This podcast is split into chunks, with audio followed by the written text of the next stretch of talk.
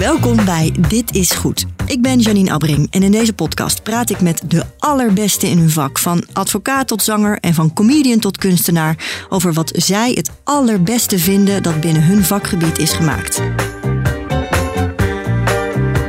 Mijn gast deze aflevering is toparchitect Francine Hoebe.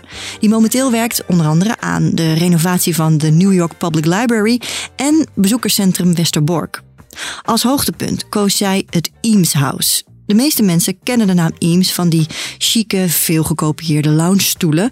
Maar het illustere echtpaar Charles en Ray Eames ontwierp vlak na de Tweede Wereldoorlog ook hun eigen huis in de heuvels bij Los Angeles. Het zou uitgroeien tot een icoon van de moderne architectuur. Een huis waar Francine, zo vertelde ze me, zich direct thuis voelde. Want ja, zij kwam bij het echtpaar Eames over de vloer. Dit was voor mij gewoon een uitdrukking van een hele levensstijl uh, die ik heel erg uh, waardeerde. Luister naar het gesprek dat ik net met haar had.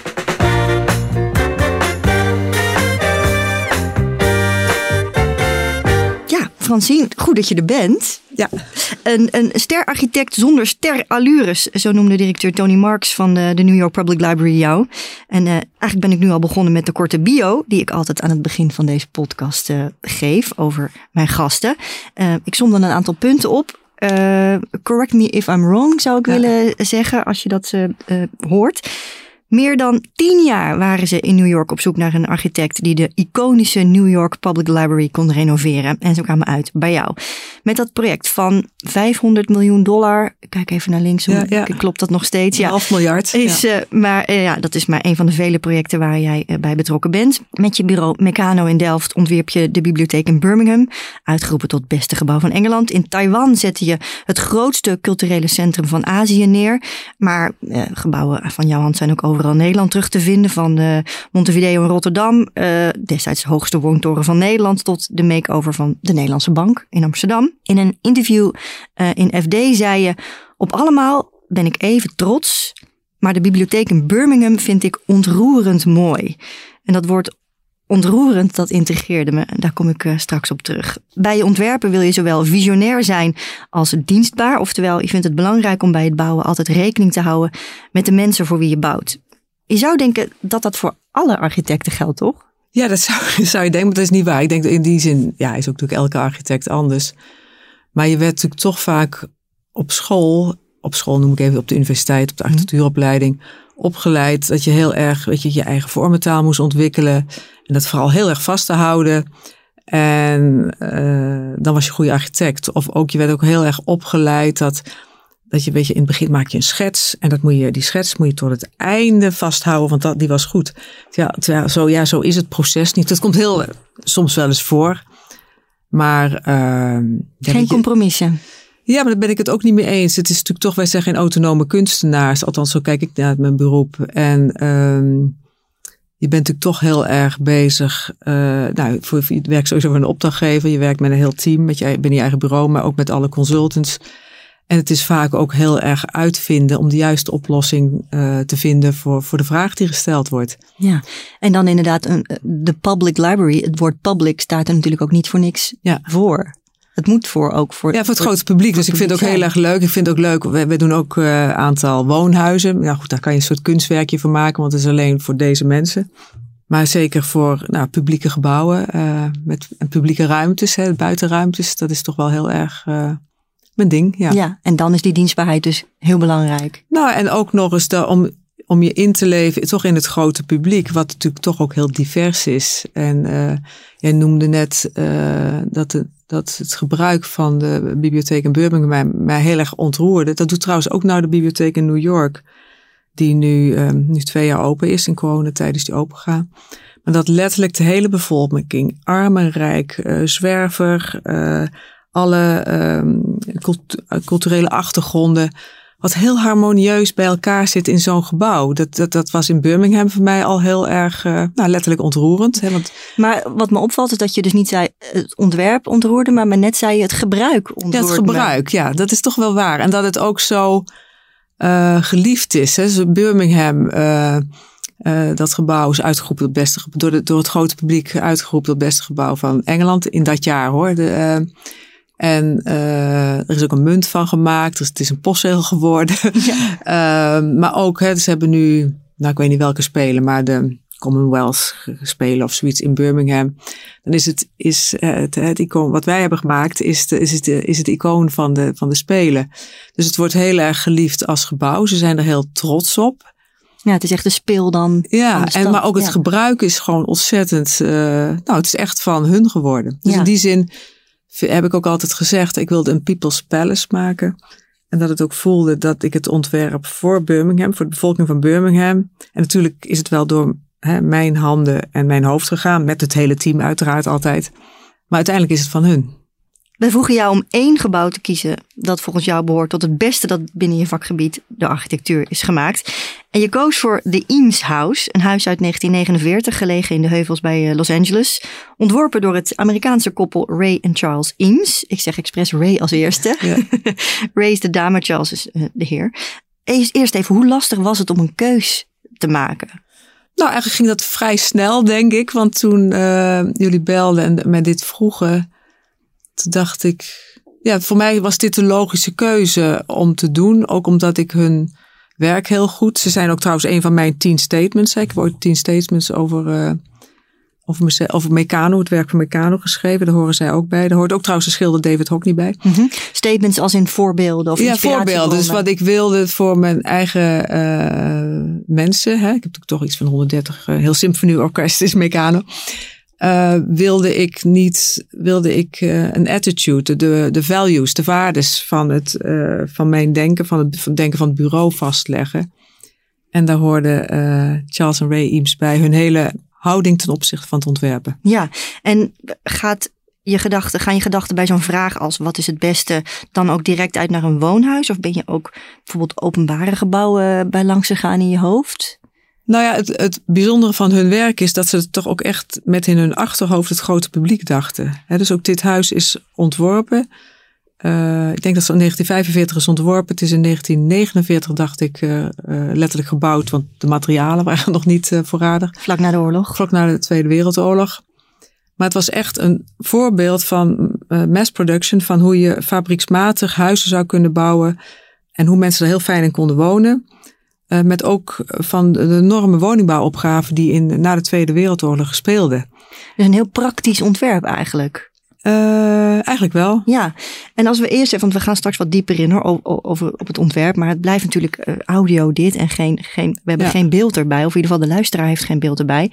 Als je het in een paar zinnen zou moeten omschrijven, het huis, zou je dat kunnen doen? Nou, het zijn eigenlijk uh, bijna twee ja, stalen doosjes een framework uh, van twee stalen doosjes met een tussenruimte, het huis en de studio. Het ligt helemaal tussen de bomen. Uh, daarvoor ligt een grote weide tussen de eucalyptusbomen. Uh, het is ook heel kleurig. Hè? Dus het, was heel, het is heel modulair ontworpen. Het is kleurrijk, maar die kleurrijkheid zit hem vooral aan de buitenkant en met een soort vlakverdeling. Met een ja, omdat ze dan, kleuren. ja, dan kon je eigenlijk in je vlakverdeling, hè, in dat modulair denken, dan kan je helder glas doen of gezandstraald glas. Of uh, een roodplaatmateriaal, of geel, of blauw, of zilver, of goud. Ja, en binnen is het vooral heel erg naturel hout en staal. Ja, hout en staal, uh, glas natuurlijk, om naar buiten te kijken. En eigenlijk komen die bomen die buiten staan, eigenlijk voel je eigenlijk ook, uh, vind, ik, vind ik onderdeel van de compositie ook van binnen, want die zie je heel erg. Ja, eucalyptusbomen. Je, en natuurlijk het enorme collage van interieur, wat mensen nu bijna kennen waarschijnlijk, hè, omdat het natuurlijk heel bekend is geworden bij, bij als je naar Vitra van Herman Miller gaat. Maar uh, ja, een enorme collectie van spullen staat erin. Van hun eigen meubilair wat ze ontwierpen. Slimme kastsystemen. Uh, de stoelen. Stoelen, maar ook allemaal cadeaus die ze, uh, en dingen die ze verzamelden op al hun reizen. Dus als ik je zo beluister, gaat het niet zozeer alleen om, om, het, om het ontwerp of de praktikanten van, maar eigenlijk ook om het huis als geheel. Nou, en de hele filosofie van hun die, die je daar voelt. Ja. Hè, hoe ontwerp je modulair voor het grote publiek? Hoe ga je om met de natuur? Hè? Hun oorspronkelijke huis, dat is eigenlijk ook wel leuk om te noemen. Uh, want ik zei, het was eigenlijk in 1945 ontworpen en ze hadden een, een, stuk grond waar een weide en aan de zijkant stonden eucalyptusbomen.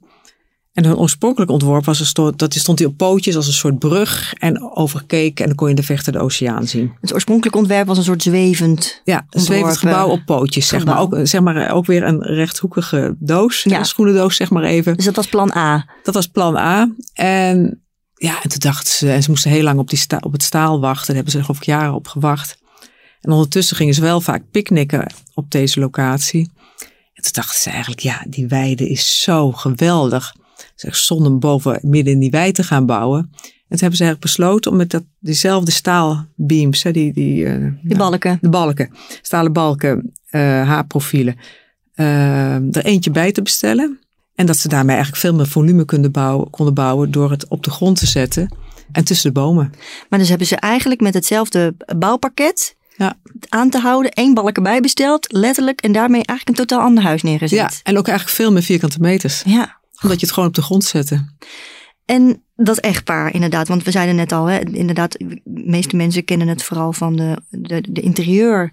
Uh, dingen die zij ontwierpen, stoelen onder andere. Uh, wat, wat, wat, ja, vertel, wie waren deze Ray en Charles Eames? Nou, hij was uh, architect. Ze woonden eigenlijk eerder aan de oostkust oorspronkelijk. Uh, zij was kunstenaar. Hij was al trouwens eerst al getrouwd en had, had ook een kind. Maar hij heeft toen Ray Eames leren kennen. En eigenlijk inspireerden die elkaar heel erg. Uh, ik denk dat zij ook heel erg van het arrangement was. Van het, het dingen mooi bij elkaar zetten en composities. En, ja. Dus ik denk de hele esthetische kant, dat hij dat heel erg zij daar uh, zijn maatje in was. En toen zijn ze getrouwd en naar Los Angeles vertrokken. En eigenlijk is Los Angeles ook wel heel belangrijk voor hun geworden. Uh, en ze waren eigenlijk, hij had al grote prijzen gewonnen, omdat hij bezig was om meubilair te ontwerpen voor het grote publiek. He, um, en daar had hij al prijzen mee gewonnen. En is hij in Los Angeles eigenlijk verder mee gaan experimenteren. Dus dat was nog de tijd dat je bijvoorbeeld van multiplex, als je dat vochtig en warm maakt, dat je dat bijvoorbeeld in twee richtingen kon buigen. Maar ja, dan brengt de Tweede Wereldoorlog uit. En heel veel van de industrie van de Tweede Wereldoorlog zat rond Los Angeles. En toen zijn ze eigenlijk met die techniek die ze hadden bedacht voor stoelen te maken, zijn ze gevraagd om uh, spalken te ontwerpen voor de Amerikanen, voor de uh, Amerikaanse soldaten. Voor de gewonde veteranen. Ja, en daar hebben ze dus die techniek die ze waren begonnen om met voor stoelen te ontwerpen. zijn ze die spalk, ik heb er ook twee thuis, ontwerpen, gaan ontwerpen. En die je dan ook heel makkelijk kon stapelen, in massaproductie kon maken. Dat is op hele grote schaal. Daar zijn uh, nou, honderdduizenden van gemaakt. Uh, ja. En na de Tweede Wereldoorlog zijn ze weer verder gegaan met uh, met uh, industrieel ontwerp. En, met industrieel ja. ontwerp en dat weer op stoelen en huizen gaan toepassen. En nu zei jij net al, en dat viel me op, uh, zij gingen uit van die gedachte van inderdaad mass production, massaproductie, uh, prefab bouwen eigenlijk, als ik het zo ja. mag noemen. En waarom kozen ze daarvoor terwijl het eigenlijk om hun eigen huis ging? Waarom was dat toch het uitgangspunt? Omdat uh, een uh, uitgever, John Entenza, van een, uh, zeg maar van een design uh, art en architecture heet het tijdschrift geloof ik, had een programma bedacht, meteen na de Tweede Wereldoorlog, om deze opgave te stellen van die mass, mass production, van de, de, de massawoningbouw. Ja. En had hij gevraagd aan een aantal ontwerpers om met prototypes te komen en die ook echt ook al te ontwerpen. Om, om, om die, die, die uitdaging van die wederopbouw eigenlijk aan te pakken. Ja, en ja, je hebt natuurlijk in Amerika een andere traditie van, uh, stel ik me nu voor, van uh, massawoningbouw. Want die opgave hadden wij natuurlijk hier in Nederland of in Europa ook. En toen, toen zijn natuurlijk ja. heel veel van die betonnen flats gebouwd. Maar in Amerika stel ik me zo voor, dat, ja, dan had je veel meer een huis met een tuin en er was natuurlijk waanzinnig veel grond. He, dus dat was denk ik een andere opgave dan hier in Europa. Ja, ze hebben daar geen Phoenixwijken neergezet, nee. nee. Nou, Phoenixwijk is weer een andere periode. Maar ja, 60, uh, nee, ja. dan heb ik het eerder over de Belma flats. Of, de, of alle uh, flatgebouwen die aan de randen van de steden werden gezet in de ja. jaren 60, 70, ja. jaren 60 vooral. Maar even terugkomend inderdaad op, op, mijn, op mijn vraag inderdaad. Want wat, ik, wat me inderdaad opviel is, het echtpaar ging het huis bouwen voor eigen gebruik. Ja. En toch kozen ze er inderdaad voor om wel inderdaad te kijken van goh, welke materialen is nou, zijn nou het slimst? Hoe inderdaad is het, kunnen we pre, prefab bouwen? Um, hoe, hoe kunnen we toch een soort massaproductie van, zodat het huis gekopieerd kan worden met dat idee? En dat was omdat het een soort ja, prijsvraag was of een soort opgave? Nou ja, het, heette de case study houses. Dus ze zijn eigenlijk het ontwikkelen van prototypes van huizen die daar allemaal vrij veel in de buurt staan. En dat was door één iemand georganiseerd. Als, Mhm. ja, als, ja, prijsvraag is misschien niet het goede woord, maar daar kon je blijkbaar op inschrijven. Dat hebben zij gedaan. En ze zijn er ook zelf in gaan wonen. Ja, wat grappig. Even de, we hebben het al gehad hè, over, die, over het materiaal. Veel zwart staal, veel glas. eh, aan de binnenkant inderdaad dat, dat hout. Ehm, hoe, hoe vernieuwend was dat voor die tijd? Hoe werd daar tegen aangekeken? Ik denk dat het wel heel, eh, het is natuurlijk ook wel een tijdgeest, maar dat het wel heel vernieuwend eh, was. Hoewel er in die tijd, hè, kijk je, dat kan je ook bij de case study houses kijken, maar dat dan er ook veel meer wel met staal en dus het modulair denken en prefabrication was wel onderdeel van de filosofie van deze groep mensen. Hè, want als je zegt, wat werd er tegelijkertijd nu daar in dit deel van Amerika gebouwd, dat was natuurlijk heel erg eh, nep Spaans eh, of houten villa bouw. Ja, Eh, gewoon heel traditioneel. heel. Maar is het Iemshuis wel ook een modelwoning gebleken voor, voor dat naoorlogse bouwen? Nou, ik denk, ik denk niet dat het op grote schaal eh, dat gebeurd is. Nee. Nee. dat denk ik niet. En op welke andere vlakken is dat ontwerp misschien dan wel nog steeds een inspiratie voor architecten? Nou, ik denk dat het nu eigenlijk heel erg eh, terug gaat komen. Sowieso, hè, want we hebben het hier over het huis, maar het gaat natuurlijk ook hun hele houding over hoe ze stoelen ontwierpen. Hè. Ik bedoel, de grap is, wij zitten hier toevallig ook op, op z'n stoelen. Ik heb het nog niet gezegd, maar dat klopt. Wij kwamen binnen in dit kleine studio, of kleine studiootje. Het is een groot gebouw, maar het studiootje is klein. En toen zei je, nou verdorie, er staan hier, we, we zitten gewoon op Iems stoelen ja, de vandaag. soft padded ones. Ja, de soft padded eh, stoel. Zwart leer, metaal. Ja.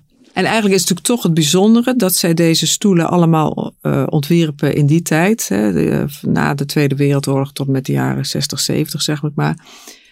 En dat met, met in hun achterhoofd elke keer dat het voor het grote publiek zou zijn. En die doorbraak is er bijna, nu, is het nu eigenlijk van de afgelopen tien jaar pas echt gekomen. Want het werd toch, eh, nou ja, je, ik denk dat je wel de stoelen hebt, dat je ze veel zag op grote schaal. Eh, niet deze chicere, want dit zijn de chicere op eh, universiteit. Ik, bedoel, op ik heb bouwkunde gestudeerd in Delft. Daar stonden ook allemaal Eames-stoelen, allemaal Eames-stoelen, de kuipjes. Ja, En die, ehm, de bibliotheek eh, van Martin Luther King Memorial eh, Library in Washington sta, stond ook allemaal Eames-stoelen. Eh, maar nu is het, ik denk ook dat de licenties eraf zijn. Dus dat het heel veel ook gekopieerd wordt. gekopieerd wordt. Of Ja. kon je, dan mag je het nu namaken. Het staat nu zelfs bij de McDonald's of waar, waar dan ook. Op hele grote schaal worden deze stoelen nu eh, heel erg omarmd door iedereen. Ja, en dan hebben we het vooral inderdaad over, over het ontwerp van de meubels inderdaad. Want dat ontwerp is nog heel populair. Ja. En, het, en het huis, is dat nog een inspiratiebron Eh, voor architecten? Nou, misschien gaat het terugkomen. Het, het- kijk, het huis heeft natuurlijk wel het probleem. Het is, ik zeg het ook omdat ik, want ik heb eh, eh, plaatjes bekeken van jouw huis. En als ik dan een beetje zo door mijn oogharen keek, dacht ik toch wel een beetje ook wel wat Iems te herkennen. Even los van de stoelen die erin Ja. stonden. Ja, maar als ik nou eerlijk ben, hè, want daar heb ik eigenlijk ook over, over zitten nadenken. De logica om eigenlijk heel simpel met een modulair systeem te werken, dat is mijn huis absoluut niet. Hè, dus ik, ik zou zelfs haast denken van, goh, ik zou het eigenlijk ontzettend leuk vinden om nu eens na te gaan denken. Om zoiets zelf eh, te bouwen, maar, dan, maar veel meer met de modulariteit en het fabrieksmatig bouwen. Wat zij letterlijk als thema hadden. Wat, wat, wat dat hele programma van die case study houses eh, ook Als als thema. thema hadden. Omdat ik denk, ja, dat zou ik eigenlijk, dat dacht ik vanochtend. Ja.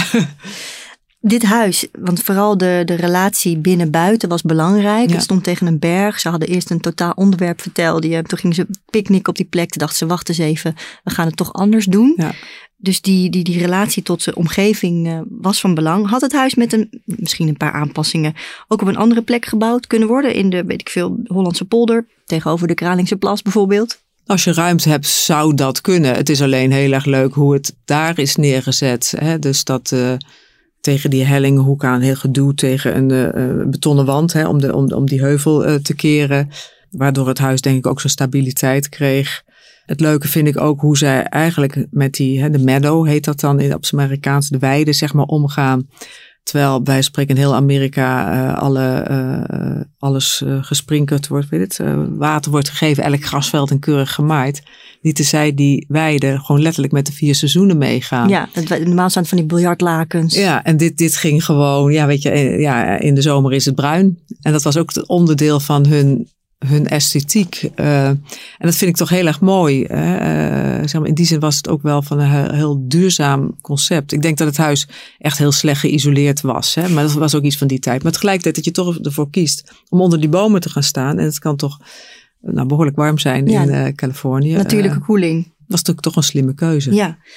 Um, ik noemde net al even dat ik inderdaad plaatjes zag van jouw huis. En daarin staan ook onder andere Eames stoelen.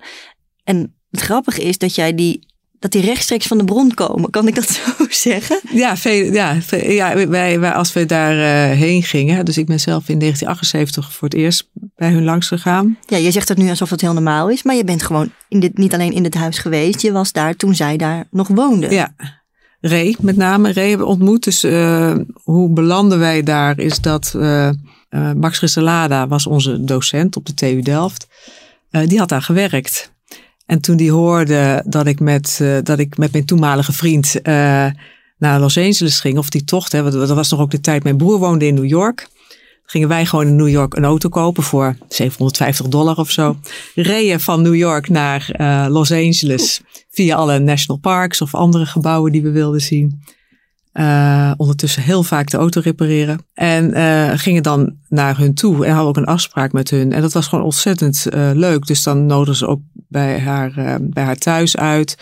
ik heb ook Force of July bij haar gevuurd op die meadow. Ehm, en wat dacht je toen je voor het eerst in dat huis kwam? Wat vond je ervan? Nou, ik voelde me heel erg thuiskomen. Dus het was voor mij heel erg. Hè, want daar, voor mij is architectuur of iets wat ik zelf ook doe, heeft heel erg met een houding te maken of, of uh, waardes die je vindt in het leven of over de planeet of over al deze dingen. En dat, dat was voor mij heel erg uh, ook het plezier wat het uitstraalde. Dus het was voor mij heel erg uh, nou, thuiskomen dat ik kwam in, hè, want ik heb ook hele huizen gezien of super chic of wat dan ook waren. Maar dit, dit was voor mij gewoon een uitdrukking van een hele levensstijl. die ik heel erg waardeerde. En het was ook nou, het was ook gezellig. Je ging, ging een kopje chocolademelk drinken. Of dan gingen we daarna picknicken in, in, de, in de tuin. En nodigden ze ook andere vrienden uit. Het was gewoon heel... En los van het gezelschap, wat, maakt, of wat maakte dat dit huis ervoor zorgde dat jij je direct thuis voelde? Nou ja, en misschien ook dat nou, de hele atmosfeer, maar ook dat het zo, denk ik, verbonden is met binnen en buiten.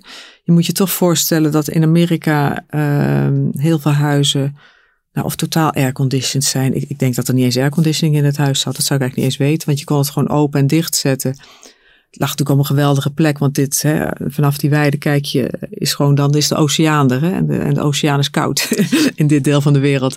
Dus je hebt ook letterlijk de zon en de koeling van de, de, breeze, de, de, wind van de, van de oceaan. Het is gewoon, ja, uh, ook dat ze een huis maken dat ook net een één beuk, één petje steekt over. Dus je kon ook, stel als het zou regenen of heel erg de zon zou schijnen, kon je onder die luifel zitten. Uh, Knus klinkt. Ja. Het is heel, uh, dat vind ik het mooie van hun werk. Dus aan de ene kant gaat het heel erg over schoonheid en esthetiek en compositie. Maar aan de andere kant gaat het heel erg over comfort.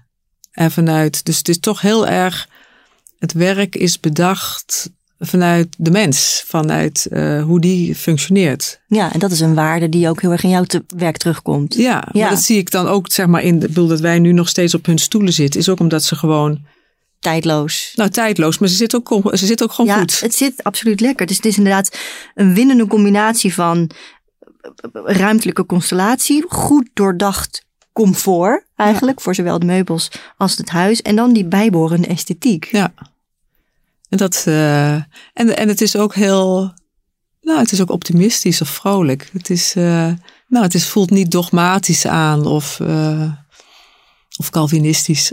Nee, klopt. Ja. Ja, ja, ja, ja, ik snap absoluut wat je bedoelt. Het heeft iets heel, ja, ja vrolijk is wel, wel het juiste woord inderdaad.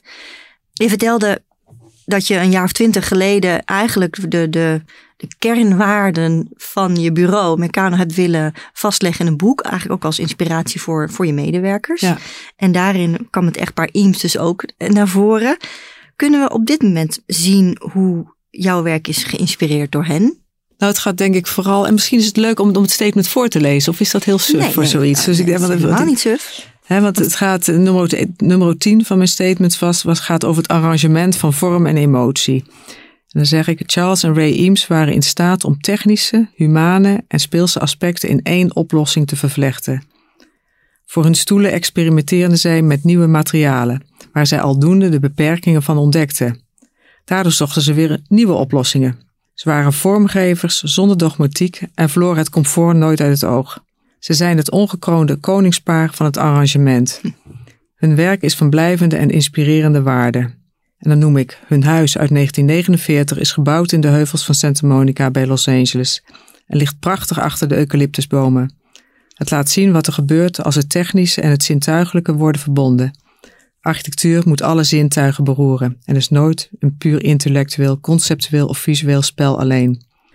Want dit is dan mijn woorden. Hè? In architectuur gaat het erom om alle afzonderlijke elementen in één concept bij elkaar te brengen. Wat uiteindelijk telt is het arrangement van vorm en emotie. dus dat is mijn interpretatie van, van hun werk. En ik denk dat dat iets wat jij vroeg net van wat voelde je dan toen je binnenkwam? Dat heeft nooit eerder iemand aan mij gevraagd. Maar ik denk dat dat letterlijk is, dat zintuigelijke wat ik voelde. En, die, en dat dat bij elkaar kwam met, met die hele gelaagdheid van uh, materialen, van techniek, van comfort. Maar ook het landschap. Ja, nou ja, en het is een hele logische vraag, omdat we het in het begin hadden over dat woord ontroering. Dat je toch ontroerd kunt raken door niet zozeer een ontwerp, maar ook het gebruik van een gebouw. Ja, dus daarom zeg ik uiteindelijk, uh, want mensen vragen ook wel eens aan mij van hoe kan je toch over de hele wereld zo werken? Maar als je werk heel erg op zintuigen is gebaseerd en uiteindelijk, of je nou een Chinees bent of een Amerikaan of een Nederlander, dus het gaat toch heel erg over zintuigen. Ja. Um, en, en, en, toch ook de maat van de mens. En, uh, en wat ik tegenwoordig ook heel erg belangrijk vind, dat je veel meer niet alleen vanuit de mens mag denken, maar ook, uh, je hebt bijvoorbeeld je hond bij je, maar dat, dat, het ook, dat je ook heel erg vanuit de natuur en de flora en de fauna moet denken. Uh, ik werk nu ook uh, nu in, in Toronto, maar ook in uh, Jacob's Pillow, dat is in Massachusetts. Dan, dan, moet ik ook met indigenous people werken. Mm -hmm. Dat zijn de oorspronkelijke bevolking. Maar eigenlijk voel ik mij daar ook als thuiskomen. Want het gaat eigenlijk heel erg over dat je over de zintuigen nadenkt. Over Noord, Oost, Zuid, West. Wat dat betekent. Wat de grond betekent waarop je bouwt. Ja, de elementen, ja. En, um, en dat voelt, voelt voor mij ook als thuiskomen. Dat, ik die, dat het gaat weer over die waarden. Dat ik denk, ja, die herken ik, die voor mij heel belangrijk zijn. Je vertelde net dus dat je bij hun over de vloer kwam. Je bent een paar keer in het huis uh, geweest. Uh, toen was je jong, begin twintig, architect in de dop. Um, ben je er recent nog geweest? Nou, heel recent niet, want ik ben langer niet aan de westkust geweest. Maar ik denk, denk voor het laatst geweest misschien zes of acht jaar geleden, of misschien tien jaar geleden, in die ja. orde van grootte. Want zij leven niet meer, hè? Charles Steve nee. 1978, Ray tien jaar later in 1988. 88, ja. Wat uh, is het nu? Wordt het nu bewoond? Het is nu uh, misschien nog wel leuk om te vertellen. Dus wij zijn, ik ben er voor het eerst in 1978 geweest. En dan gingen we bijna elke twee jaar naar, uh, naar Amerika, maar ook naar de westkust toe. Dus ik denk dat ik er in 1980 ben geweest, 1982, 1940. Uh, dus uh, misschien 1986 bij het laatst bij haar. Zij overleed in 1988. Mm -hmm. uh, het is nu, uh, toen zij beide waren overleden en ze hebben één dochter, of het is eigenlijk zijn dochter van zijn eerste huwelijk. Uh, die heeft er een foundation van gemaakt. En hun kleinzoon, ja. ja. of haar zoon, wat dus eigenlijk de kleinzoon van Charles is. Maar zij beschouwde, Ray beschouwde het ook als haar, haar uh, kleinkind. Dimitros, uh, die runt dat nu helemaal, die foundation. En dus je kan het bezoeken. Je kan heel veel, zet je ook op internet. Want ze hebben, in Nederland zijn ze denk ik vooral bekend van hun, nou, van de stoelen, van het meubilair. Uh, maar ze hebben echt fantastische films gemaakt. Tentoonstellingen die sommigen nog steeds draaien. Uh, en dat vind ik het ook het fascinerende aan hun. Dat ze hun leven lang zich zijn blijven ontwikkelen. En ook in dienst hebben gesteld nou, van, van het grote publiek om die te inspireren. Ook die tentoonstellingen ging heel erg over educatie en over de toekomst en over ontwikkeling. En dat wilden ze laten zien, dus zodat een groot publiek dat ook kon begrijpen. Ja, dus mensen kunnen er nog steeds terecht en dan voelen of ze zich er ook thuis voelen. Dankjewel, Francine Hoebe. En jij bedankt voor het luisteren naar Dit is Goed. Wil je meer zien van wat we hebben besproken in deze aflevering? En geloof mij, dat wil je. Ga dan naar ditisgoed.net of kijk in de show notes van deze aflevering voor de linkjes. En wil je meer afleveringen horen? Vergeet dan niet om je te abonneren in je favoriete podcast-app. Op ditisgoed.net vind je nog veel meer informatie over deze podcast en de andere afleveringen. En daar kun je je ook abonneren op onze nieuwsbrief.